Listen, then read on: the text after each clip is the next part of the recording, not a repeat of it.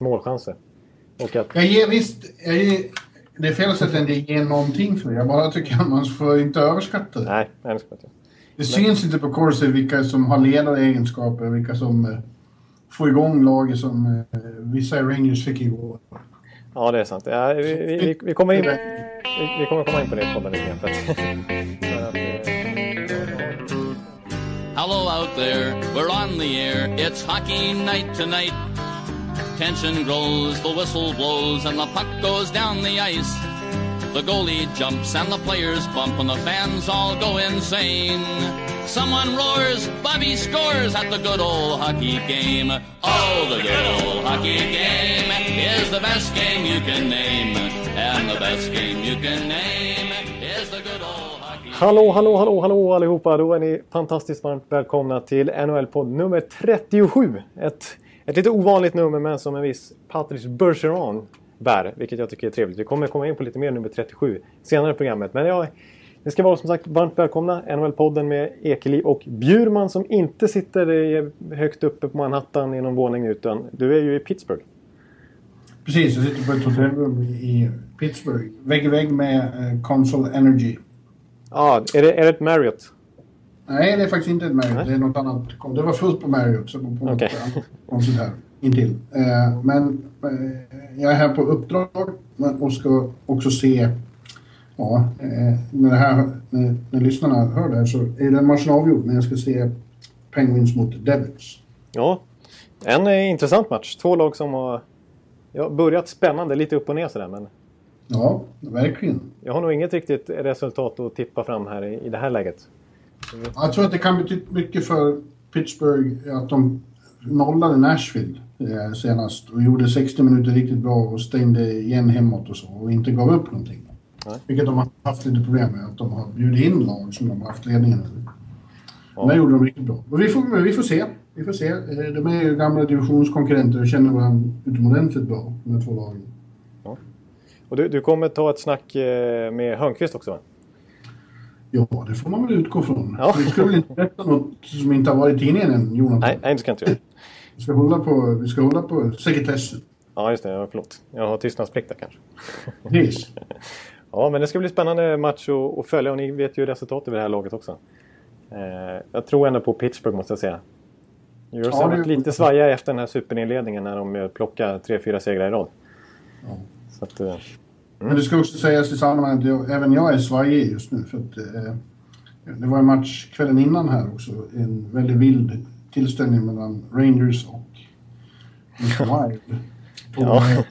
på Garden. Och sen så jobbade jag jättemycket med det och så var jag klar vid två på natten och klockan fyra skulle klockan ringa för jag skulle med ett riktigt tidigt flyghet. Det var bagarväckning monumental. Och ja.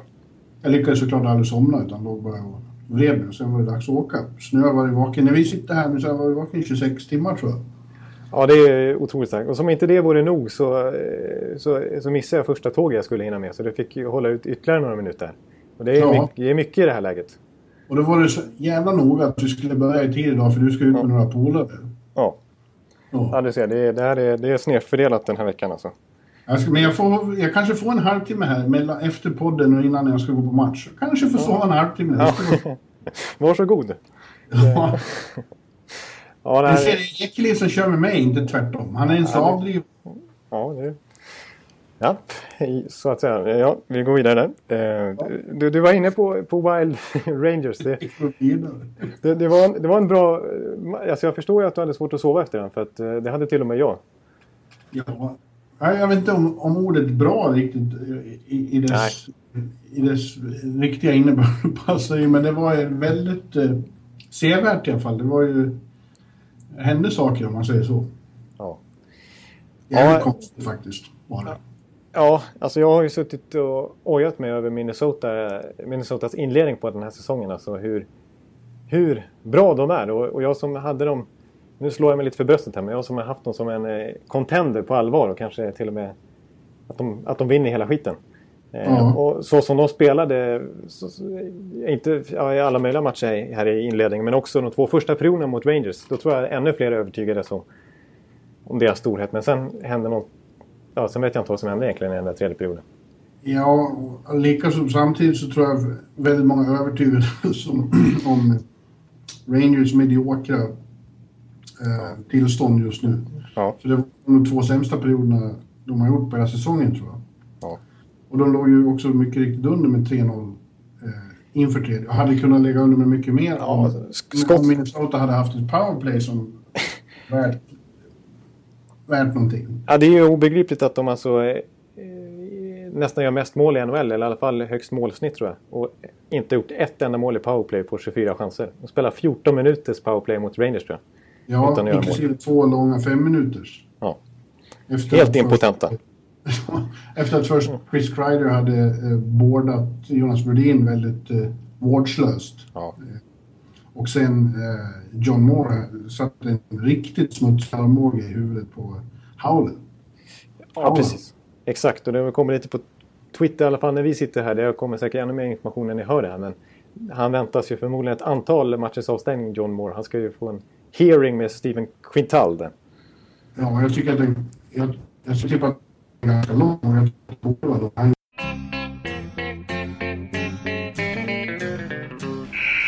Ja, jag har lite smått internetstrul här mellan Örby och eh, hotellrummet i Pittsburgh. Men vi kör på. Vi, vi, vi, eh, vi är inne på John Moore här som ju, som ju väntar en, en, en avstängning på eh, modell större kanske efter den där tacklingen på Erik Haula, armbågen. Ja, den var ju väldigt ful. Och, och, och eh, han hade en precis likadan situation i slutspelet mot Montreal i våras. Eh, och då vart han ju avstängd. Ja. Eh, ett par matcher. Och då, då är han ju typ återfallsförbrytare och kommer förmodligen straffas betydligt hårdare den här gången. Och med all rätt tycker jag. Och jag tror att den här John Moore har ganska dåligt... Han är en jävel på att åka skridskor, men jag tror han har dåligt spelsinne därför hamnar i de här situationerna. Han kan inte läsa av det riktigt. Nej, nej. Ja, det är nog sant. Det blir ju lite intressant att se. Det, nu, det är väl Chris Pronger som kommer vara med och fatta det här beslutet också. Ja, det blir intressant. Får vi se hur sträng han är. Ja, för jag tror att alla var väldigt överens om att det var väldigt fult. Ja. Nej, eh, annars... eh, Men sen kom Rangers ut då i hur som helst i tredje perioden och, och ställde till med en helt eh, förbryllande eh, scenförändring och vände och vann till slut med 5-4. Och jag ty- eh, Enligt eh, vad alla sa då så var det Henrik Lundqvist som skällde ut laget i andra periodpausen. Och sa att så här får det bara inte se ut. Nej, du, du tog ett snack med han själv då efter matchen? Visst gjorde du det? När han förklarade hur, det, hur läget låg egentligen i... i han ville väl inte gå in så noga på vad, vad han sa där. Vad talar ni om, sa vi. Att tala inte rätt ord. Det var stora bokstäver. Ja. Eh, Men så vill han inte berätta vad de sagt, men att det fick önskad effekt och framförallt på trion Rick Nash, Mats Zuccarello och eh, Derek Brassard. Som, eh, ja, det var de tre som vände på det hela. Och det var, de, det var väl de tre som... Nej, Duclair fick en pris också, men de var ju med där Ja, i match, matchens tre stjärnor. The Ja. Duke gjorde också sitt första. The Duke det var and the Souk. Ja, precis. The Duke and the Duke. Ja, det, var, det var mycket, mycket märklig match.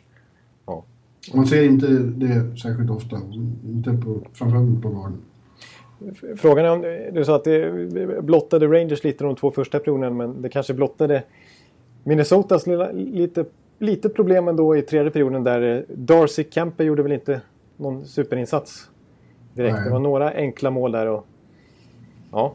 eh, Om det, var något som, om det var något som i så fall var avslöjat hos dem så är det i så fall en lite mental svaghet. Det Jonas Brodin sa det själv efteråt att ja, när vi hade gått upp i 10-0-ledning så började vi spela för soft. Eh, Ja. och gav, vi bjöd in dem i matchen igen. Och jag, jag blev lite överraskad av det ändå för att eh, jag såg ju eh, även matchen eh, de spelade dessförinnan Minnesota mot eh, Tampa Bay i helgen. När de full, fullkomligt körde över Tampa och vann till slut med 7-2. Och Då slutade de ju aldrig spela utan det var ju mosning hela matchen igenom. De, Men den, gången, den matchen måste Tampa vara lite trötta i. ja precis, det, det var inte någon... eh, Nu, ska jag inte skylla ifrån mig här men det var...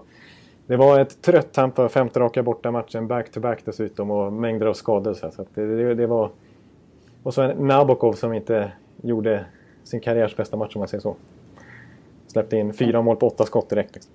Ja. Så att, eh, ja, men jag, jag är imponerad av... Nabakov tror jag man säger. Ja, ja, ja. Eh, Det här med uttal, det, det är absolut inte min grej. Eh, jag vet inte om jag kan uttala Craig Leipold rätt i alla fall. Nej, jag, jag vet inte heller. Jag skulle nog säga Leopold, men det är möjligt att det är du som har rätt. Ja, ägaren i, i Minnesota i alla fall. Som ju har fått fart på det här laget ändå. Eller han ska jag inte påstå. Det är Mike J och Chuck Fletcher, general manager, som, så här, men eh, Craig Leopold som verkligen såg till att det måste hända någonting. Nu. Det var ju han som drev på så att de lyckades locka till sig både Suter och Parisi. Och det, det har blivit en helt annan eh, grej i Minnesota nu. Alltså. Det, har blivit, det känns som att hela den hockeystaten har lyft en nivå liksom. På alla möjliga ja. sätt.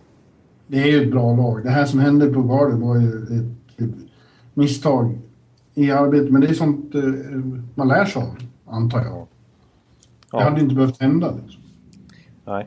Nej, nej, jag tror inte... Vi får se hur, de, hur det går för dem i natt. Det vet ju ni. Men eh, det här är första back-to-back som jag tror Minnesota har. Annars har de haft det bekvämaste schemat inledningsvis. Haft väldigt få matcher. Spelat minst av alla NHL-lag. Ja. Nu, nu är det dags. Nu är det dags igen. Mot Boston tror jag i natt. Ja, Boston som eh, fortfarande inte riktigt har kommit igång. Och nu har fått problem med att Chara är skadad.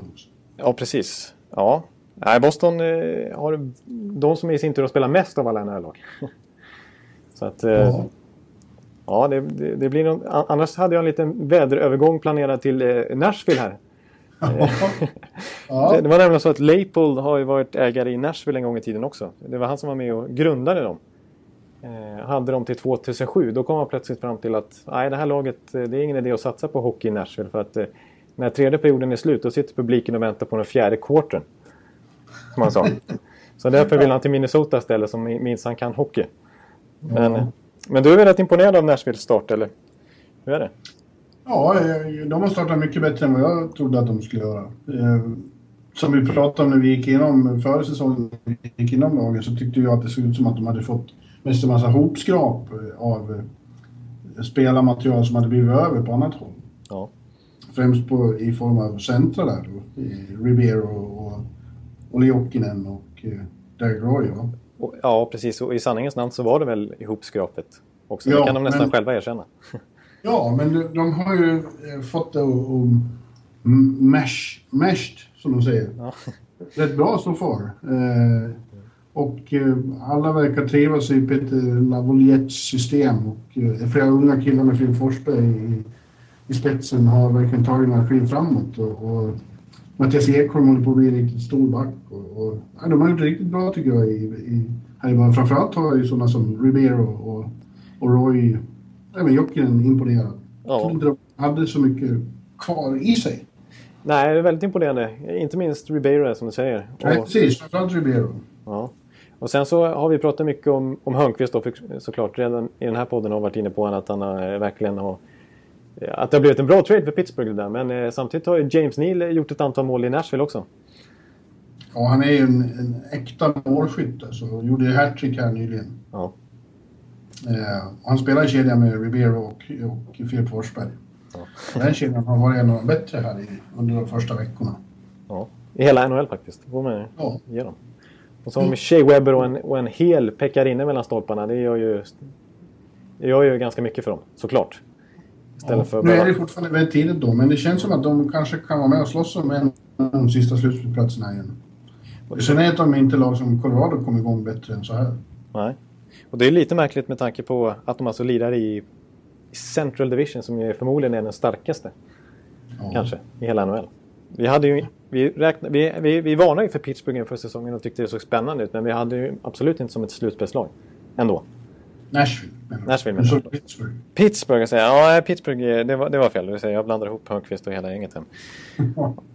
ja, men det bygger ju också lite på att det, det är framförallt två lag i centrum som inte har kommit igång riktigt. Och det är ju St. Louis och så är det framför, ja, framförallt Colorado. De har ju haft riktigt motigt. Ja. Nej, Colorado... Mm, jag vet inte vad, vad man ska säga där riktigt, men Ja, men jag, jag, tror att jag pratade lite om det förut, att det är inte helt ovanligt att man får en sån här slamp året efter man har tagit ett jättekliv framåt. Ja. Så blir det lätt ett... Om man har tagit tre kliv framåt så blir det plötsligt ett litet steg tillbaks. I synnerhet när det är så många unga spelare. Ja, ja det måste vara det som har... Det kan, ju, det kan ju fortfarande ändras väldigt mycket. Ja.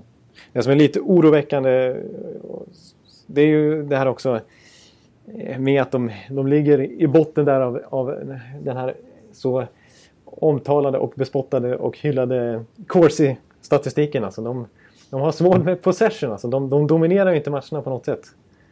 De, de ligger där och harvar klart under 50 procent i, i, match efter match. De har svårt att ta tag i taktpinnen. Alltså. Och eh, verkligen styra matcherna åt det håll de vill. Till skillnad från till exempel Minnesota som är absoluta toppen av den ligan. Fram till igår. Fram till igår, exakt. Ja. Kan vi säga. Ja, eller ja, det får vi säga. De två första proverna så var ju skottstatistiken till exempel någon sån här 25-3 eller någonting. Ja, ja verkligen. Ja. Men du, St. Louis då, som är i samma division, varför kommer inte de igång riktigt? Ja du, det är frågan. De har ju fått en olycklig skada på eh, första centern som skulle lyfta dem i Paul Stastny, men det är väl inte hela förklaringen. Eh, de har lite... också så det är dags att göra som eh, kanske inte var, var bäst i oktober, november, december, utan kanske var bäst Nej. i april för en gångs skull. Ja, det kanske är så det ska vara. Den kurvan de ska sikta på i år. Ja. Eh, de å sin sida tycker ändå att de ser bra ut i matcherna. Alltså. Men de har problem med effektiviteten. Alltså. Och sen kanske inte målvaktsspelet från Brian Elliott är, är det starkaste heller. Jag vet inte. Eh, de har inte riktigt fått igång vissa, som Alex Pietrangelo och backsidan har, är inte riktigt... Lever inte ut, vad säger man? Fyller inte ut sin fulla kostym riktigt i år heller. Det är ju en, kanske den bästa backsättningen i hela NHL. Ja, lite... och så har inte, Alex Sten har inte gjort uh, spruta in mål på samma sätt som Nej. inledningen i fjol. Han hade väl nästan gjort tio mål med det här laget i fjol. Mm. Så att, uh, ja. Nej, ett lag som, som faktiskt uh, ett antal lyssnare tycker att vi ska prata lite mer om, som vi glömmer bort lite grann. Eh, som jag tänkte vi skulle ta upp lite grann i alla fall här, som går bra också, leder NHL tillsammans med Anaheim Ducks. Det är ju Montreal Canadiens. Ja. Ja, de har varit väldigt bra fram till de åkte på en riktig eh, plump i protokollet mot eh, Edmonton. Ja, de blev nollade till och med. Ja. 3-0. Och då samtidigt så tog Edmonton sin fjärde raka. Så det är kanske, men de är på hemmaplan hela tiden. Ja, men de är ändå... Mm, man är lite imponerad av Edmonton som vi å andra sidan snackade om förra veckan och, och såga jäms med fotknölarna. Och jag hade en massa tradeförslag och Iberle skulle dit och Jakubov skulle dit och allt vad det var. Mm. Men eh, nej, det är imponerande av Edmonton. Men Montreal alltså, det, det, deras, de har ju åkt på en plump där mot Edmonton fick de göra. Så var det 1-7 mot Tampa. Också en riktigt, riktigt, riktig meltdown. Men annars har de haft en enorm förmåga att vinna uddamålsmatcher. Den här, I början av säsongen. De har ju sju segrar och i princip alla har varit med uddamålet. Mm. Det har varit så här 4-3, 3-2, 2-1 efter förlängning. Som bäst kanske 3-1. Eh, det är ett, jag, jag, tycker de känns lite som ett eh, slutspelslag i uppbyggnaden av laget på något sätt. De har lite den. ja, kanske. Men nu var det Montreal då? Ja, men jag menar Montreal. Jaha. Ja. ja, du ser, jag är trött. 26 timmars vakenhet, vet du. Då. Ja. Jo, men jag tycker det börjar kännas som Montreal håller på att ta... I, i och med att Boston svajar lite. Så det är, just nu känns det som Montreal är laget man ska slå i, i i alla fall i Atlantic Division. Ja. De har... Ja, de, de, de känns ju breda och, och de har dessutom... Och det, alltså, de har ju ett, fått fram storstjärnor nu i form av Subban och Price i målet och eh, Markov är fortfarande bra och eh, Plekanes har öst in lite mål i början. Men de är väldigt... Montreal med man ju framförallt snackar man ju om Alex Galchenyuk. Mm. Som är deras nästa stjärnspelare och han har varit väldigt bra den här säsongen. Och de saknar inte de här veteranerna som försvann. Eh, Jonta och, Georges. Ja, just det. Och... Det, verkar inte, det verkar som att eh, andra har tagit på sig ledarskapet. Ja. det. Ja. Ja, det, och sen faktiskt, eh, börjar faktiskt eh, motsatsen till mysfarbrorn, alltså Michel Terrien, surgubben. Mm. Börjar få lite, lite cred nu för att han faktiskt har hanterat det här, de här unga spelarna som har blivit deras ledare nu på ett väldigt bra sätt. Han har ju annars genom hela sin tränarkarriär fått kritik för att han inte satsar på unga spelare. Att han är en riktig sån som förlitar sig, lite Peter DeBoer-snubbe liksom. Eh, ja. Förlitar sig på äldre rutinerade killar. Men eh, han har ju successivt låtit de här unga få mer och mer speltid. Alltså nu är Galchenyuk börjar bli en ledande spelare på allvar. Eh, och han har ju lyckats betydligt bättre i NHL än till exempel Nail Jakubov som fick stort ansvar från början och nu är nere i tredje kedjan. De gick ju i samma draft. Eh, Jakubov först och sen så Galchenyuk som trea tror jag. Eh, och sen P.K. Subban, han blev ju Norris-vinnare första året med Therrien. Eh, Ja. Och Pacioretty. Ja, jag har ju varit tveksam till Therrien, men jag tyckte redan under förra slutspelet att han skötte det mycket bättre än han brukar, framförallt mot Boston. Ja. ja. Och fick spelarna fokusera på rätt saker och, och krångla, krångla inte till det med sina mind games så mycket där. Nej, han fokuserar på rätt saker istället, på sina spelare. Ja, nej, jag, jag, jag, jag, håller nog med där. Ja, jag tror att det, det är något väldigt intressant. Förlåt? ja, nu, det, brö, det bröts lite, vi får be om ursäkt lite. Men continue, eh, Bjurman. Eh, ja, vad sa jag nu då? eh, ja, att han inte håller på med sina mind games sa vi ju. Nej. Nej. Ja, Jag tror att de har något riktigt bra på gång. De har sin bästa start sen, eh, vad, vad säger de, 77, 78? det måste vara sen deras eh, glansdagar i alla fall. Ja. Eh, så att, eh, absolut. Eh, intressanta saker på gång. Ja, min, De får gärna skaffa en svensk så jag får möjlighet att åka dit lite oftare. ja, just nu har de bara en underpresterande dansk där. La- Lars Eller och just hans kedja där med Sekac och eh, Bork. Det är väl det enda minustecknet hittills för, för dem. Ja, då kan de ju plocka upp Jakob de la Rose då. Ja, precis. Du menar, jag menar. Ja, nej, det, det min eh, Habs polare Sim där som har varit omnämnd i podden några gånger. Han tycker dessutom att de har mycket, mycket mer att ge. Han är inte alls nöjd med spelet hittills. Han tycker det finns mycket mer att kräma ut där ur många spelare. Ja. Så, eh, Ja, jag håller nog med att, med dig att Montreal är the team to beat i öst hittills. ja, det börjar kännas så. Det kändes som ditt lag ett tag, men de hade sjunkit tillbaka lite. Ja, de, precis. Vi får se vad som händer nu när de har lite hemmamatcher. Om de kanske seglar upp igen. som, som, ett, som ett lag det snackas om. Eh, men en, en sak jag kan ta upp då bara som, eh, som kommer ha skett i natt när ni hör det här. Apropå att kalla upp Delaros. Eh, det är så att eh, Los Angeles kan inte kalla upp någon spelare just nu trots att de skulle behöva det. För att de har inte lönetagsutrymme för det.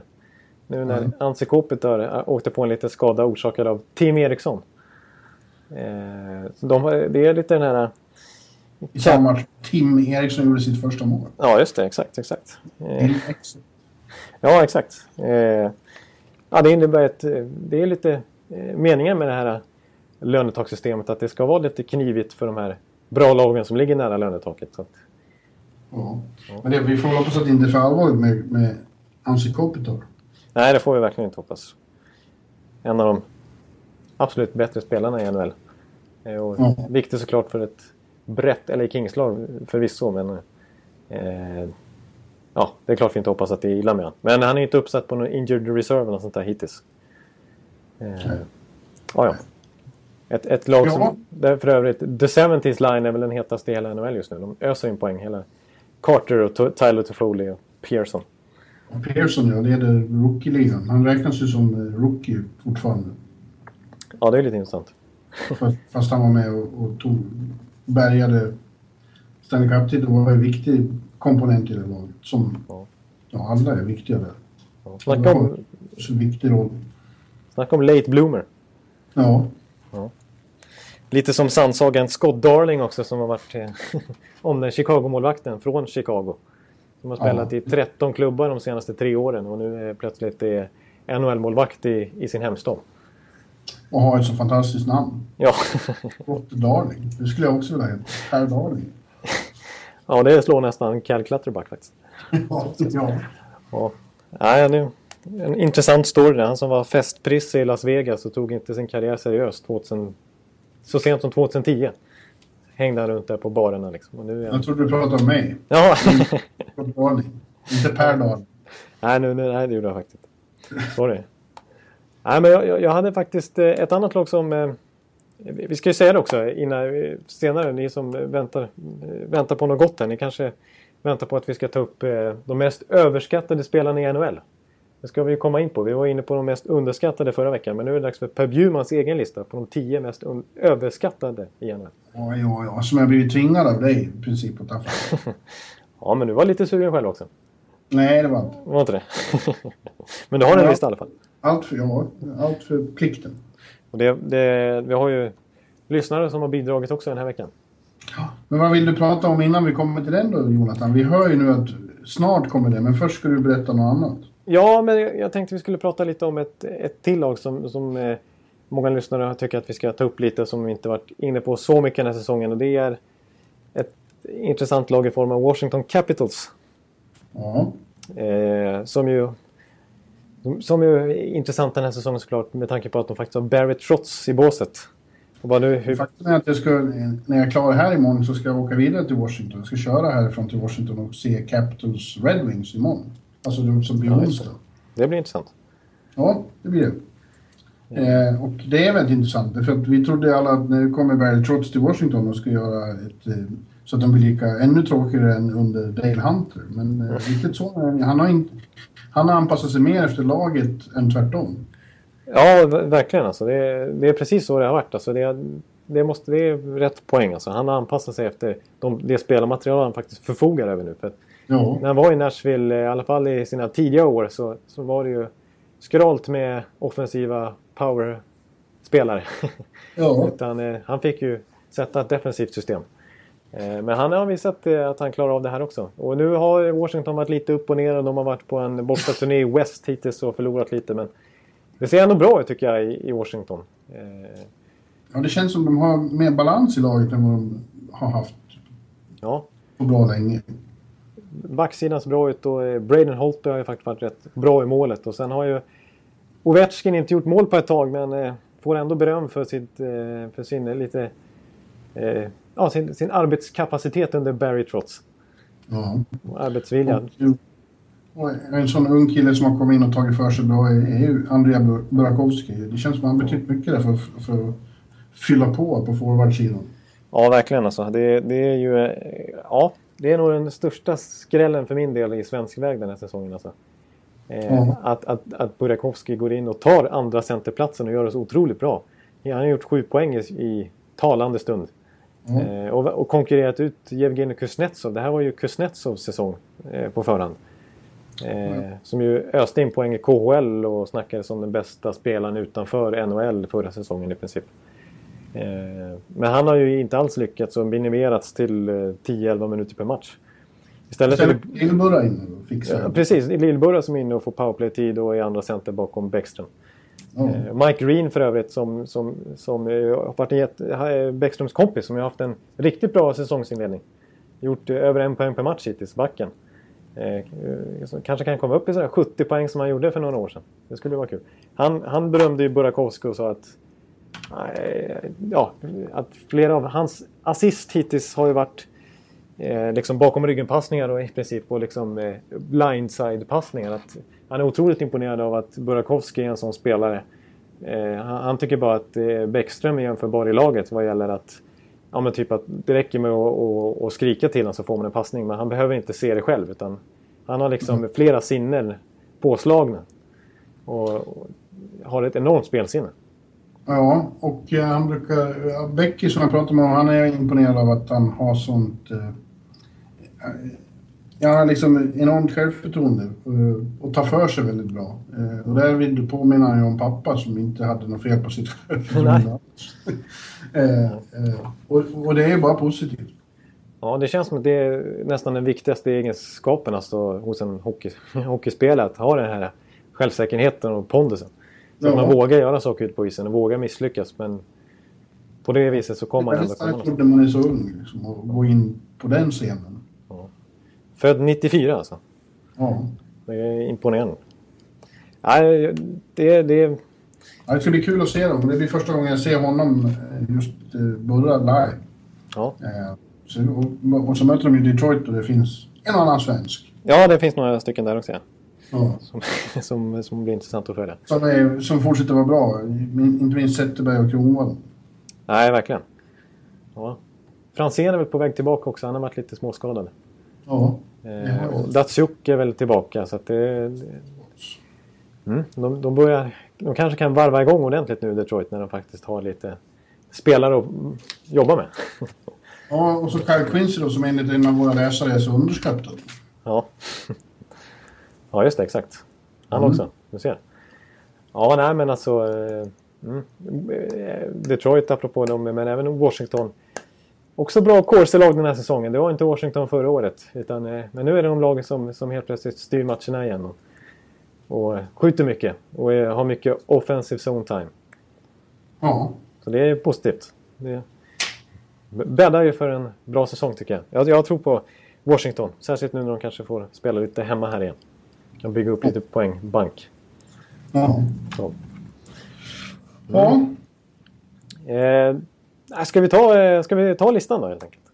Ja, eh, som sagt, jag känner mig tvingad att göra det eftersom du gjorde underskattade spelare. Men jag vill ju ha några reservationer här. Dels, till att börja med så tycker inte jag att man är underskattad. Om man spelar i NHL så är man ju egentligen väldigt bra hockeyspelare. Så är det bara. Ja, så är det. Det finns inga dåliga hockeyspelare i NHL. Det vill jag faktiskt bara understryka. Det har vi fått ett bevis på. Folk som tyckte att, eh, att Micke Samuelsson inte hade något i NHL att göra fortfarande. Så kom han till SHL och är fullständigt dominant som 37-åring. Ja, Men- så att, eh, det med reservationer säger jag överskattade. Men, och så finns så många parametrar här och, så, det har ju flera läsare påpekat också. Det beror ju på hur man ser det här. Jag lägger rätt mycket vikt vid hur man är eh, när det är som viktigast. Det har jag varit inne på väldigt mycket inom hela vår podcasthistoria här. Ja, Eh, men också såklart storlek på kontrakt, eh, vad man är värd, om man blir övervärderad enligt vår synvinkel och, och, och status, rent allmänt status. Ja. Det Ja. finns väldigt många parametrar här. ja men jag tycker du tog essensen. Som sagt, jag har fått många, många förslag på, på Twitter. Eh, men om jag börjar då. Jag, jag hade, det var inte så lätt det här. Liksom. Det finns många. Men jag tänkte jag skulle ta några som kanske lite mer och dessutom är det här mycket känsligare. än underskattat. Ja, det är något positivt liksom. Överskattat, då blir folk förbannade. Och så. Men så jag säger att alla av de här är egentligen bra. Men nu måste jag göra den här listan. Ja. Så, Jag valde rätt lista. ja. själv. så jag börjar bakifrån och på tionde plats. Och det, det kommer några oväntade namn här skulle jag nog vilja påstå. Härligt, härligt. Och det börjar med, i alla fall här i början, sen är det nog mer givet på slutet kanske. Men då är det eh, David Backes i St. Louis Oj. Blues. Okay, okay. Eh, som jag tycker, just enligt eh, den här parametern, att man eh, inte levererar när det är som viktigast. Och det har ju han som första center i St. Louis varit ett stort problem skulle jag vilja säga. Att han inte har eh, spelat på högsta nivå när det har behövts som bäst. Nej, eh, Vad säger du ja, alltså jag, jag är ju svag för David Backes. Jag gillar ju honom som, som spelare och det är kanske du gör också egentligen. Men, jag, jag, jag, Ja, det är många som, jag ska tala om det är många som viskar om att är, han är eh, en av dem som varit problemet under slut, deras slutspelsfloppar. Ja, eh, jag ska eh, försvara honom lite grann. Så hade, hade han, väl, han blev väl söndermanglad av Seabrook där i senaste slutspelet. Men de har haft flera slutspel tidigare på sig. Ja, och visa, visa upp sig. Han har väl han, inte gjort... svi- han har vikit sig lite i sina ledaregenskaper ska jag säga. Såklart är en, till vardags en otroligt begåvad och bra hockeyspelare. Men nu, nu använder jag ju också den här parametern som om jag, får använda, om jag kommer ifrån det ordet, förlåt att jag säger parameter hela tiden. Men den måttstocken då. Ja. Nej, jag, jag, jag kan nog köpa, köpa att han får plats där. Jag, jag är inte säker på att jag skulle tagit med en själv. Jag hade nog inte tänkt på, på honom där. Men eh, när du säger... När du Ja, säger han som är bättre. Så jag vill ju vara lite originell också. ja, men det är rätt. Jag, jag kan köpa David Backes. eh, eh, Mm, bra. Det är ingen som har tagit den här på nionde plats heller, men det är Derek Stepan i New York Rangers. Ja, Som är första center och som sådan väldigt saknad nu får vi erkänna eftersom han är skadad och de inte har sånt särskilt djup på centersidan precis utan till, till och med använt Martin St. Louis som center. Ja. Med högst blandat resultat. Ja. Men han är ju då eh, eh, just första center och skulle inte vara det i något annat contenderlag i hela ligan. nej, nej, nej. Nej, Och har därmed lite för hög status enligt mitt synsätt. Ja, han har ju för hög status i, i hierarkin så att säga. I, i, i vilket lag som helst. Sen så kanske han inte har jättehög status så att han är sedd som någon första center eh, ändå så att säga. Men Ja, han ses ju som det av Rangers. ja, Rangers så, så blir han ju det. Men, ja, jag kan, och, och, och spelar man i Rangers så blir man ju per definition eh, extra mycket lite hypad kanske. Ja, kanske. Men framförallt så känns det som ett svaghetstecken hos Rangers att Derek Stepan är deras första center. Och som sagt, igen. Skulle han vara i Chicago, skulle han vara i St. Louis, skulle han vara i... Nej, skulle han inte. Nej. Nej, eh, och sen så är det väl lite att han, han var ju rätt... Eh, särskilt i och med att han var en Rangers prospect där. Men han, han gjorde väl väldigt bra ifrån sig i JVM och så här och liksom... Blev ganska liksom hypad. Och så gjorde han hattrick i sin debut. Ja, exakt. Ja, precis. Så att han, han, redan från start så var det väldigt höga förväntningar på honom. Men han har, ju inte, han har väl knappt kommit över 50 poäng i en säsong. Nej, och jag tycker han känns kanske lite vek Ja. eh, mentalt, får jag bilden av. Mm. Och så går han sönder hela tiden. Ja, det, blev, det gjorde han ju i slutspelet förut också. Ja. Eh, så. ja, så det är mitt andra oväntade namn. Det kommer till.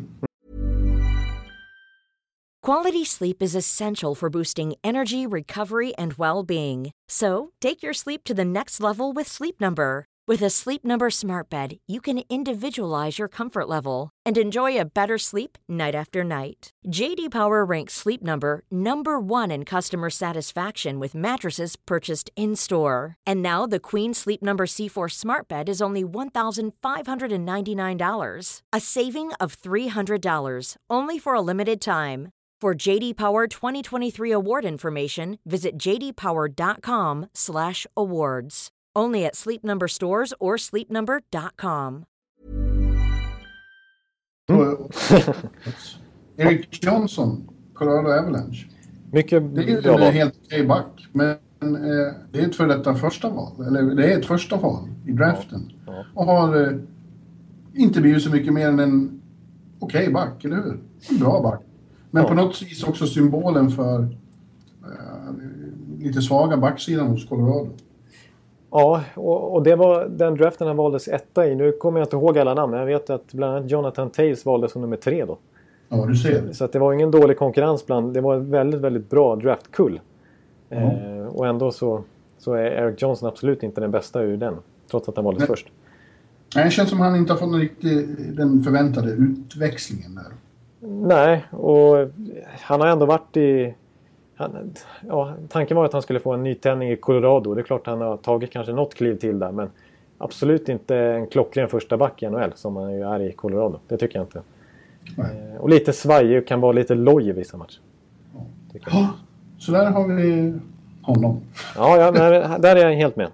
Ja, bra. Sen på sjunde plats har vi Ryan Miller i Vancouver Canucks. Ja, Eh, tidigare hyllad som en av världens bästa målvakter. Eh, men det, det kändes som mycket blev avslöjat av honom i St. Louis. Och eh, jag tycker det har sett svajigt ut även i Vancouver emellanåt i den här säsongen. ja jag kan Som för just också mentalt kanske inte den stabilaste just nu.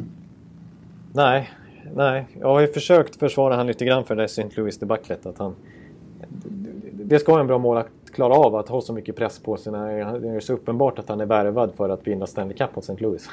Ja, Men eh, sen också det här med att han faktiskt hade stått så rasande mycket matcher i Buffalo så helt plötsligt ställa om till, till det här St. Louis-uppdraget.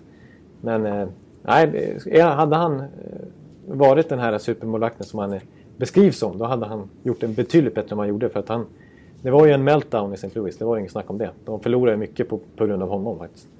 Ja men eh, eh, han har både blandat och gett även nu i Vancouver skulle jag vilja påstå. Här i, under säsongs... Men han har ju såklart chansen att bevisa att jag är fullständigt dum i huvudet. Som ens överväger av med honom på som helst. Ja, sen är jag, han börjar ju bli lite till åren också. Han, eh, han, eh, han var ju grym i Vancouver-OS 2010, kommer jag ihåg, när USA gick till finalen. Då var han ju Ja. helt omytlig nästan. Höll ju på och, eh, han tog väl till och med finalen till sadden där. Han var ju grym i den turneringen. Att, eh, Ja, visst. Han Men det var några år sedan. Ja, det är några år sedan nu. Och jag skulle hävda att hans status är lite övervärderad. Ja, han har ett ganska bra kontrakt där i Vancouver. Fick ju 6 miljoner per säsong. Dollar. Ja. Ja. Nästa man har ännu mer pengar på sjätte plats. Det är Phil Kessel i Toronto. Ja. Toronto brukar ju vanligt förekommande på sådana här listor. Eh, ja. Och eh, Phil Kessel är ju en bra hockeyspelare som har sina stunder när han till och med är riktigt, riktigt bra. Ja. Men han har 10 miljoner i år i årslön. Och han kommer totalt ur form till eh, campen efter att ha struntat helt i att träna på sommaren. Då tycker jag man är överskattad som person, som, Ja. som karaktär. Ja, ja det, är en, det, är en, det är en speciell, eh, speciell eh, karriär och eh, person den där Phil Kessel. Alltså det är ju, han är väldigt skygg. Han vill ju knappt prata liksom så här. Nej, jag vet. Jag har försökt flera gånger. Ja, precis. Sen så på somrarna så då ser han inte ut som en NHL-spelare på något sätt. Nej, Det är, det är i, i kroppshållning så att säga. det gör inte jag heller, men jag har inte 10 miljoner. Han har ju betalt för, att- för att göra lite sommarträning i alla fall. Ja, Eh, ja jag tycker det, det, det har man övervärderat personen om man ger en, en spelare med så bristfällig respekt för både klubb och lagkamrater och fans, eh, sådana som Ja. Samtidigt så är han en, eh, en can canceröverlevare och har gjort väldigt mycket mål i vissa perioder. Och så här. Men, Han är en joker ofta. ja, han är en gubben i lådan alltså. Han är Ja. opålitlig men han, alla vet ju att Han in han... gubben i lådan, den gamla härliga klyschan. Ja, det var verkligen... Ja. Ja. ja, men vi fortsätter. Men- men- vi, jaha. Men, nej, ja, nej, men det understryker det som du säger. Det är just det. Framförallt med Kolla, tanke på avbryter mig hans hela lön. tiden med Ekeliv. Jag får aldrig det till Nej. Nej, det är slavdrivaren Ekeliv alltså.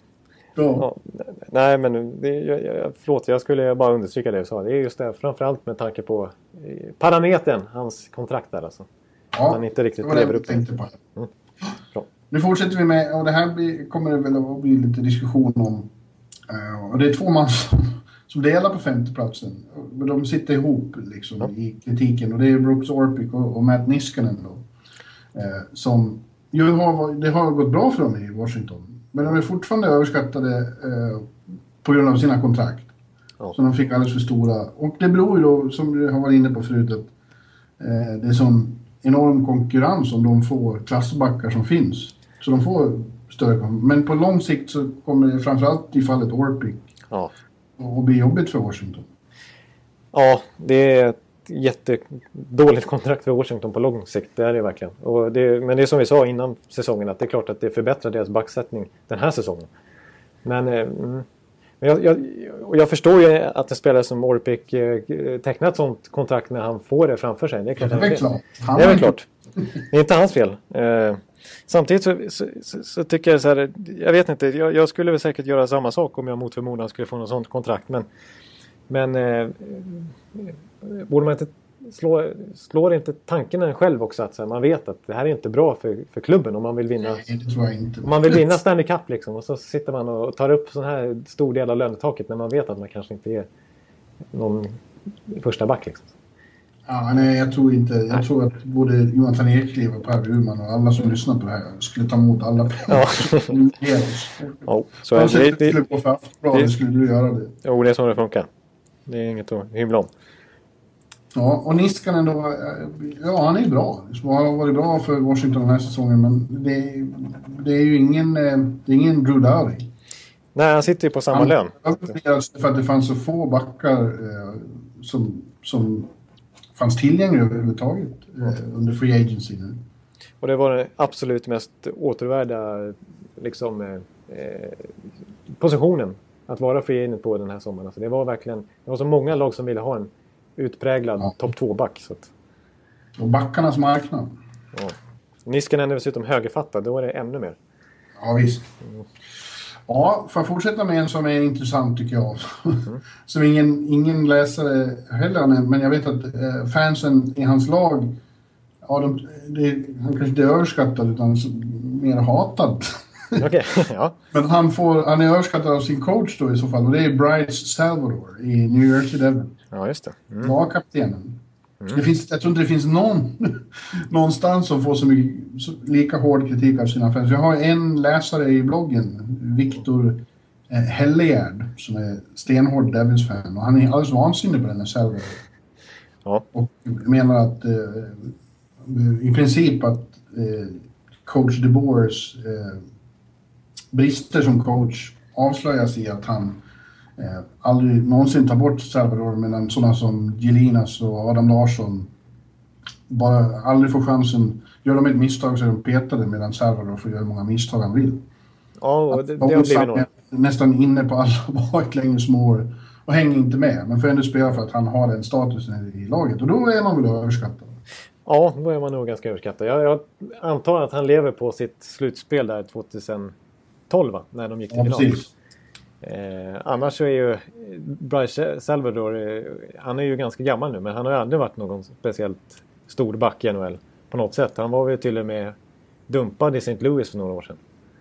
Att, ja. eh, men nu är han både kapten, han kapten också, det petar man väl inte då? Tydligen. Nej, nej, tydligen inte. Nej, det, men det var ett bra val tycker jag. Har också en hyfsad lön, inte, inte i den storleksordningen som Orpik och Niskanen. Men han är ju överbetald med tanke på att det är en högst medioker back egentligen. Ja. Ja, sen kommer en som är Believe men han får representera mer ett helt uh, överskattad talangpool i ett lag och det blir Ryan Nugent Hopkins i, i Edmonton. Ja. Såklart en väldigt bra hockeyspelare, men uh, förstår du vad jag menar? Ja, jag, jag förstår. Ja, men jag vill höra lite vad det Man kanske skulle kunna säga att Jakubov är mer överskattad, fast han är väl inte riktigt. Nej, han är ju inte överskattad längre, för han är ju snarare hånad liksom. Alltså. ja. mm. Medan Ryan Nugent, man, man kan ta vilken av dem egentligen. Ja, men han har ändå klarat sig lite från den här värsta skottgluggen. Ja, men jag, jag ser honom mer som en symbol för vad som inte händer i Edmonton. Att de aldrig får, aldrig lever upp till sin, sin, till sin potential. Och jag tycker han är en sån. Ja, alltså jag, jag har... Jag måste... Som fan är offensivt och så, men det är ju jävla drällande med puckarna hela tiden och, och overturns. Ja, det, det, finns få spelare i, i NHL. Han är nog ändå topp 10 i, topp 5 kanske i teknik och liksom klubbkänsla. Han leder oss. Alltså, shit vilken, eh, vilken känsla han har. Ja, jag, vill aldrig, jag vill ändå provocera lite. Ja, men, men han, är, han, är ju, han är ju vek, det är han ju. Det är ingen snack om det. Han är ju, han är ju skadebenägen och han är lätt att flytta på liksom. Och lätt att ta pucken av. Ja. Man spelar hårt. Han sitter inte på de här ledaregenskaperna som du bedyrar. Heller. precis. Nej. Eh, utan det är ju inte någon... På det sättet är han ju inte en klockren första center, en härförare alla Anse Kopitar eller eh, Jonathan Taves till exempel. Men det är möjligt att, att han skulle blomma ut i en annan miljö om han fick spela med andra slags spelare. Men som jag säger igen då, han är en symbol här för hela Edmontons talangpool. Mm. Mm. Jag håller med dig. Han är, han är precis det. Han är, han är en av de skickligaste spelarna i NHL, men han har inte riktigt det mentala. Nej. Och inte riktigt eh, kroppsbyggnaden heller kanske. Sen är det då nummer två, är kanske den som jag har fått mest förslag om på, på Twitter och som alltid nämns i de här sammanhangen. Jag, jag kan gissa. Torontos eh, eh lagkapten. Ja, Dion Phaneuf. Yes. Mm. Ja. Ja, och eh, han har väldigt mycket pengar och han har väldigt hög status inom klubben och delvis också bland fansen. Men jag, han, han är inte längre någon särskilt bra back. Finns det någon som säger att han aldrig har varit så bra som, som somliga har tyckt? Eh, Nej. Han, han, till exempel, han är inte så bra defensivt. Nej.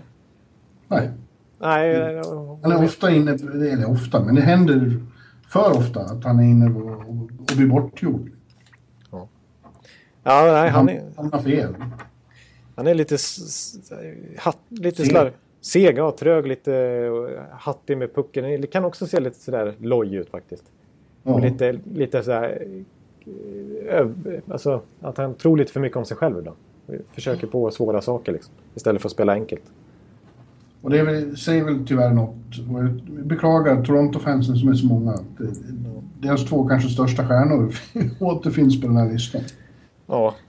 Ja. Eh, och det var ju lite märkligt också med tanke på att eh, FNAF skrev det här säsongen, det här jättekontraktet förra året. Det var väl ett statement de gjorde i samband med Winter Classic-inspelningen. Ja. HBO 24-7. Ja, det. det. var ju då han kallades upp. Hans kontrakt, ja just ja. det. Och det var ju värsta grejen att de minst han skrev kontrakt med honom under den uh, tv-sänt i princip. Precis. Men det var ju ingen som tyckte det var bra. Nej. Det enda som var bra var att vi fick vara hemma och träffa hans fantastiska skådespelerska till fru. Ja, just det. Det var trevligt. Det, det, det ska han ha. Mm. Ja, ja nej, men han är... Ja, det är lite tråkigt. Det fanns ju någon som, som twittrade också. Kan inte ta upp, han kan inte vara överskattad längre om alla tycker att han är överskattad.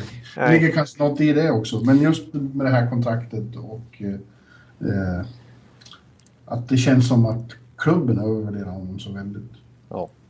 Ja. Ja, men det är precis. Det är, det är klubben som, som övervärderar honom. Men det är som du säger, det är lite svårt med kriterierna här. För det är, självklart är det så att hans status i NHL just nu är ju inte speciellt hög. Nej. Men, eh, men eh, ja, nummer ett är vi väldigt spända på. Och nummer ett, eh, då kommer vi tillbaka till just de kriterierna som vi var inne på från början. Mm. De som viker ner sig när det gäller. Och det finns ingen som har vikit ner sig mer när det har gällt än min etta. Ja, då vet jag vem, vem är det då? Joe, Big Joe! Big Joe, No Show Joe. I San Jose. Joe Thornton. Joe Thornton. Ett, egentligen ett praktexemplar till hockeyspelare. Han har ju allt. Han har all, alla förutsättningar att vara en av de största. Men han saknar eh, just den där killerinstinkten eh, när det är när the going gets tough. Då slutar Joe gå överhuvudtaget. Ja. Och jag skyller, jag skyller eh, alla San Joses slutspelsfiaskon på honom och hans radarpartner Patrick Merlot. De har slutat spela då, de har blivit dåliga och jag tycker att det är oacceptabelt. Yes! Ja. Ja. Det är många som kommer att bli arga på det säkert, men så tycker jag. Nej, men det, jag tror inte så många kan argumentera mot det ändå. Alltså, det, det är inget snack om det. Och han är, visade ju till och med i OS 2010 när hela Kanada gjorde det fantastiskt bra. Men de enda som inte gjorde det bra, det var Joe Thorntons hjälp. Ja. ja. Så att, eh, och även Patrick Marleau. Så att, eh, nej, jag håller helt med dig. Och visst, där kan man också säga att det, han har ju verkligen stämpel som den största chokerspelaren i NHL genom alla tider nästan. Men eh, det, det, kan inte nog poängteras och han sitter på en superlön där. Så att, eh, yes. Ja, så är det. Du var ju elak nog tycker jag. Ja, jag, jag, jag, en spelare du inte tog med från Toronto som kanske många hade haft men som ju faller... Clark. Clarkson. Han faller ju under kriteriet att det, han är den kanske mest hånade spelaren i hela NHL just nu. På grund av ja. det här kontraktet. Ja. Eh, så han är långt ifrån... Såklart han fick ett för stort, men jag vill inte bara, jag vill inte bara ta med Toronto-spelare. Nej. Nej det, det är bra. Sen är det ju lätt att bli överskattad i Toronto också i och med att de har den största fanskaran i NHL och det största trycket nästan ja. utifrån. Så att, eh, levererar man inte där. Det är tufft att leverera i Toronto. Det krävs en väldig mental styrka. Ja, men du, har du några innan, innan jag går in på vad läsarna har sagt här, eller lyssnarna, ska vi gå igenom det först och sen får du komma med dina förslag, eller hur ska vi göra? Ja, tanken är att jag ska ju ändå få, få behöva vara lite taskig i programmet jag också och, och, och nämna, namedroppa några eventuella svenskar som är lite övervärderade. Ja, för det törs inte jag. Nej. jag, jag tyckte inte det var någon som var tillräckligt uh, uh, överskattad för att hamna på den här listan. Det kan jag inte tycka. Nej. Men, men shoot! Ja, jag tycker inte något av de här namnen som jag plockar in platsar på topp 10-lista heller. Mm. Så att, och jag, du var elak i alla fall. Ja, alltså jag... jag mm, ja, du, du kommer argumentera mot skatt här och jag, jag, har inga, jag, har inga, jag har inte jättemycket på fötterna på alla de här namnen. Men jag, jag börjar lite grann då. Viktor alltså, Hedman, Anton Stålman. de, är, de är långt ifrån listan. Mattias Öhlund. ja. eh, nej, men eh, jag kan väl börja med att nämna en spelare som inte har eh, som fått det här genombrottet i NHL och som, eh, som var väldigt, väldigt bra i, i, i Sverige innan han kom över och som draftades i första rundan och som, som vi vet har väldigt mycket hockey i sig. Det är ju Patrik Berglund. Ja. Eh, Nej, han har inte riktigt kanske fått ut eh, allt man hade hoppats på. Det är ju sant. Ja, eh, och skrev ett nytt kontrakt här inför den här säsongen som var ganska bra. Jag tror han fick 3,7 miljoner dollar. Mm. Och fortfarande, mm. precis som resterande svenska i St. Louis, haft en dålig inledning på säsongen med inte fått någon utdelning. Ja, det är lite oväntat för han har tränat... Eh, jag var ju där på deras premiär och pratade mycket om, och det syntes ju på honom också, att han var i, i, i väldigt bra fysisk form. Ja, och ja. Eh, så taggad. Jag, jag tror fortfarande det finns väldigt mycket potential där som en, som en, eh, som en bra andrecenter någonstans. Det kanske inte ska vara i St. Louis. Nej, precis. Men St. Louis ser ju också det, liksom. det. Det var ju därför de skrev det här kontraktet med Det var ju lite, folk som blev förvånade att de, med tanke på att han inte riktigt har presterat. Men att han då får det här kontraktet som dessutom var på tre år tror jag. Mm. Men han har ju visat, inte minst, alltså, utanför St. Louis i, i svenska landslaget till exempel. Han har varit grym i flera VM-sammanhang och eh, även i Västerås när han kom hem under lockouterna så har han visat både enormt spelsinne och, och liksom ledaregenskaper. Så, så han har ju egentligen hela paketet. Han är väldigt stor i kroppen också. Så att... Ja, verkligen. Och det finns jättemycket potential där. Jag tror att det bara gäller att få, få ut den. Ja, precis. Och det har väl varit lite spekulationer om att han kanske inte toktrivs eh, socialt här i St. Louis. Det ska jag inte säga någonting om, för det har jag ingen aning om. Det vet inte jag något om heller. Han har aldrig sagt något. Nej, och han skrev ju ändå ett nytt treårskontrakt, så det kanske inte så, ligger så mycket i det. Men, nej, ja, men nej. Vi, vi väntar i alla fall på... eh, Folk vet ju att han kan mycket mer än vad han presterar. Och, eh, han, är, han, har, han är lite för streaky också. Han kan ha långa perioder när han inte alls gör mål. Så att... Eh, han, mm. just, just i dagsläget här så, så tycker jag ändå att han kan nämnas. här om jag ska vara lite hård. Ja, han kan få ditt telefonnummer nu så kan ni Ja, ja. ja det kanske inte... Jag kanske inte... Det här är väl inte bästa sättet. Att, ja, nej. Men jag, jag får vara lite krass här. Ett annat namn som jag tog med eh, som gäller lite samma sak som vi vet har väldigt mycket hockey i sig men som eh, den största faktoren här är att han inte får chansen. Och det är ju Adam Larsson. Ja. Men eh, mm, draft 4 va? Det var ju spekulationer när han slog igenom så otroligt stort i juniorsammanhang i Sverige, i Skellefteå där och även i SHL. Att det här är eh, större talang än Victor Hedman. Det här är kanske den bästa backen vi har fått fram sen Niklas Lidström. Ja. Eh, var ju snacket då. Han skulle gå först av alla i hela draften var det ju till och med snack om något år tidigare. Han gick ju fyra till slut. Men eh, mm, nu är han inte ens ordinarie i NHL. Nej, men i, i min åsikt i det fallet är att han snarare är underskattad av sin coach. Ja, Samma coach som då spelar Bryce eh, Salvador hela tiden. Som sagt, jag var just inne på det, att, att eh, Adam får aldrig någon riktig chans. Han, Nej. han, han får spela enstaka matcher, men han, så fort han gör ett misstag så blir han bänkad och så är han petad matchen på. Medan med äldre herrarna de har i laget får göra som de vill. ja. Eh, och det har ju tagit självförtroende lite av Adam också såklart. Då blir man ju livrädd för att göra misstag. ja det, det, det är såklart att det är så. Är det någon jag önskar skulle få komma till ett annat lag där de tror på unga spelare och unga backar så är det Adam. Ja, jag håller helt med där. Och jag, jag vill bara innan jag... För jag, jag håller absolut med där. Det beror absolut mest på att han knappt har fått chansen. Men eh, just nu vet vi inte riktigt hur hög kapacitet han har med tanke på att han inte har visat någonting än i New Jersey. Vilket ju har sina anledningar. Då. Ja, ja. Ja, ja. Men vi vet ju inte riktigt. Hur, I och med, med tanke på hur otroligt hypad han var som, eh, som tonåring. Så. Mm. Så, så, ja, vi får, ja. jag, tar ett, jag tar ett namn till då. Eh, och då tar jag då faktiskt Viktor Stålberg. ja. Och, på ett sätt håller jag inte med mig själv där. För att, eh, jag vet inte om han. Han har haft lite tungt här Ja. i Nashville och inte kanske inte kom igång i år heller. Men det är väl Nej. ingen som säger att han är någon superstar heller. Nej, och lite skadebenägen och sådär har han varit. Inte minst i början av den här säsongen. Men, eh, och jag var otroligt imponerad av han under lockout, eh, de lockoutmatcher han gjorde förra, för, ja, för två år sedan blev det väl, i Frölunda. När han faktiskt visar många svenskar som inte har sett honom så mycket att han har mycket hockey i sig och inte bara en power forward utan han har ett bra spelsinne och sådär också. Eh, men eh, ja, eh, kanske att han blev lite överskattad där efter att ha vunnit Stanley Cup med Chicago. Han fick ju ändå ett bra kontrakt i Nashville på 3 miljoner per säsong tror jag han sitter på. Ja. Men han gjorde faktiskt bara ett mål på totalt 32 slutspelsmatcher i Chicago. Så jag vet inte om han bidrog allra mest till de där triumferna. Även om han är en powerforward och inte har som främsta uppgift att göra mål. Men, Nej, men då fick han ju spela i fjärde kedjan ofta. jo, precis. Så att, och möta eh, bästa spelarna i motståndarlaget såklart. Så han, jag ska inte ta ifrån honom på något sätt det. Eh, Men han har haft lite tufft i Nashville hittills. Så jag tror ändå att de, de skrev ett ganska bra kontrakt med honom med ambitionen att han skulle ta plats i en topp 6-roll. Och hittills så har han ju inte trängt sig in där på allvar. Nej, det var ju ingen hemlighet att de var missnöjda med honom i fjol. Det har vi pratat väldigt eh, öppet om. Och Viktor själv har, har förklarat att han var väldigt besviken och, och, och hoppas på helt eh, andra bullar nu med Lavoliette. Mm. Hoppas att det kommer. Ja, och som, som, som jag sa det eh, också att eh, han har ju...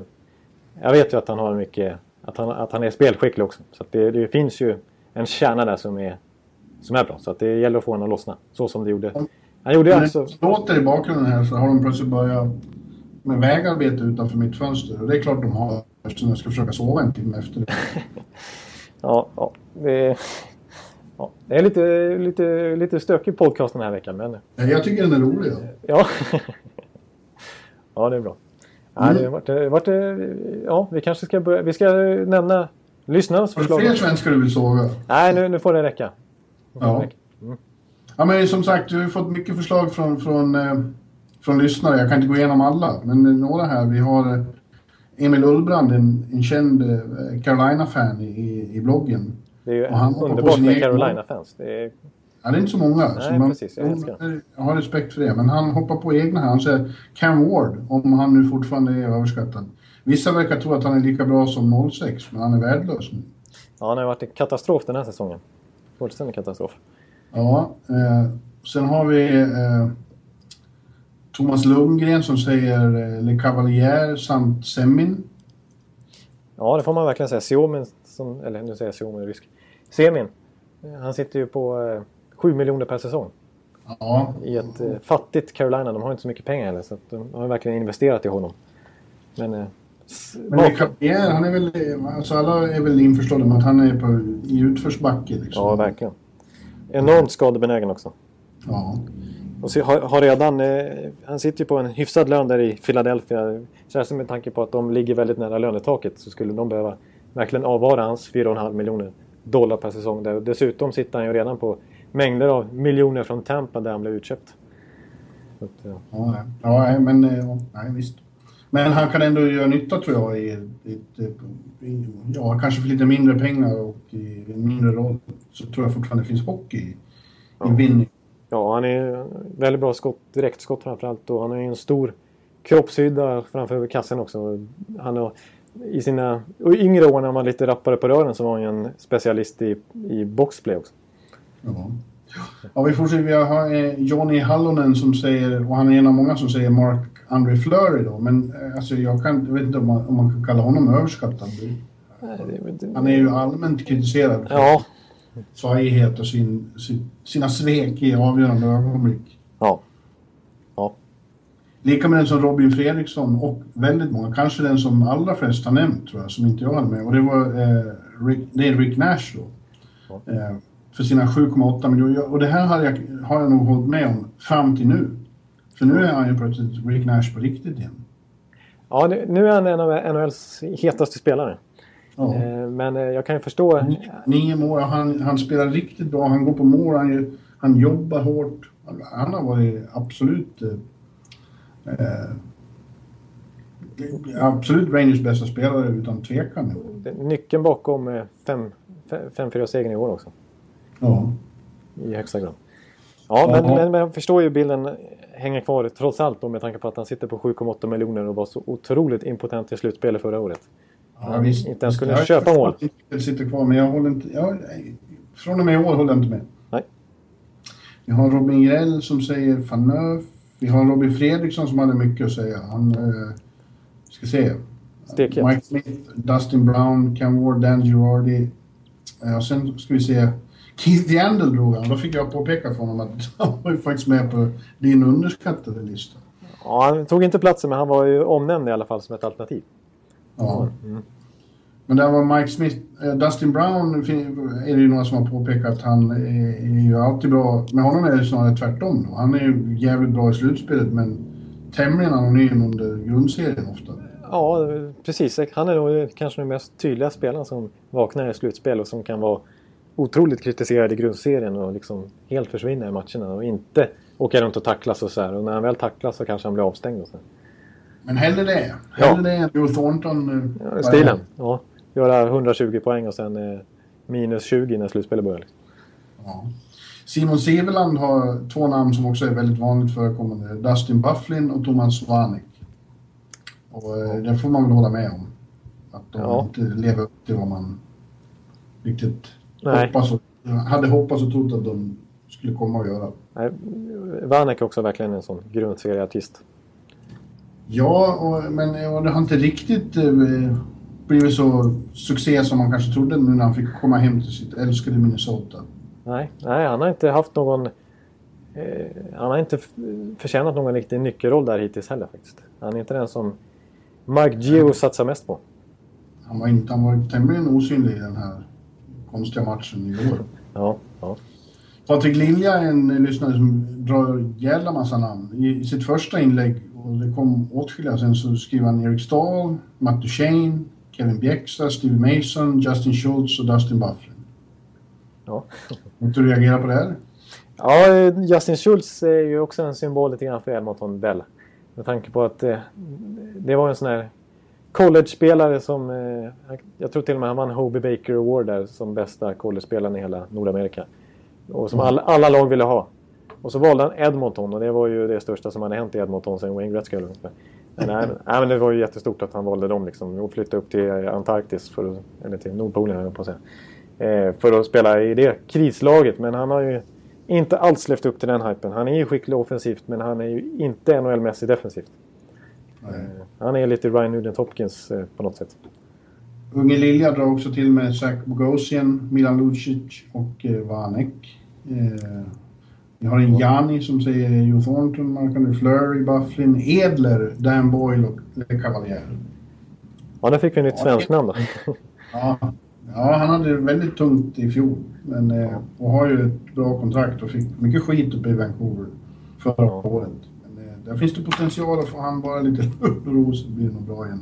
Ja, Vi har Nick som säger, och jag tror att eh, eh, signaturen Nick bara vill provocera oss. Han skriver Crosby, Malkin, Erik Karlsson och Ovechkin. Det tycker, det tycker jag Ja. låter som ett bra hockeyspelare. ja det låter, jag har en annan bild av dem också faktiskt. Ja. Ja, det var det. Ja, jag gillar ändå eh, angreppet. Så att, det, Jim Morrison här, han TJ Oshie, Bobby Ryan, Eric Stahl, Jordan Stahl, Jordan Eberle och Ryan Callahan. Callahan kan vara lite överskattad faktiskt. Ja, jag, jag, jag, Utmärkt. Han var den enda i Rangers som var bättre under Tortorella än under Vigneault. Ja, alltså jag, jag kan förstå det också eh, lite med tanke på hur han övervärderade sig själv lite grann där i, eh, när han skulle förhandla med Rangers om ett nytt kontrakt. När han ville ha utgångspunkten var över 7 miljoner dollar per säsong. Eh, Ja. För en eh, spelare i tredje kedjan, andra, andra tredje kedjan. Men jag, jag gillar ju han i, i Tampa ändå. är han har ett lite beskedligare kontrakt även om han fortfarande tjänar väldigt mycket. Eh, men han är, ju, han är ju skadebenägen och han är ju över 30 nu. Och, eh, är ju inte någon enormt puckskicklig spelare utan duktig på att täcka skott och sådär. Och, och så. Men jag ska inte gå in för mycket på, på min, mitt kära, eh, mina kära Tampa-spelare. Men jag, jag, jag tycker han är viktig för Tampa i alla fall. Arvid Karlsson slutligen får vara representant för rätt många som tycker då att Ovechkin är överskattad. Han säger för att vara ansedd som bäst, näst bäst av många är han förvånansvärt kass på många saker. Och det kan man ju kanske tycka, men alltså, jag tänker vägra säga att någon som gör 50 och 60 mål är, är överskattad. Det, det går ändå ut på att göra mål. Och den som är bäst på att göra mål är, är bra.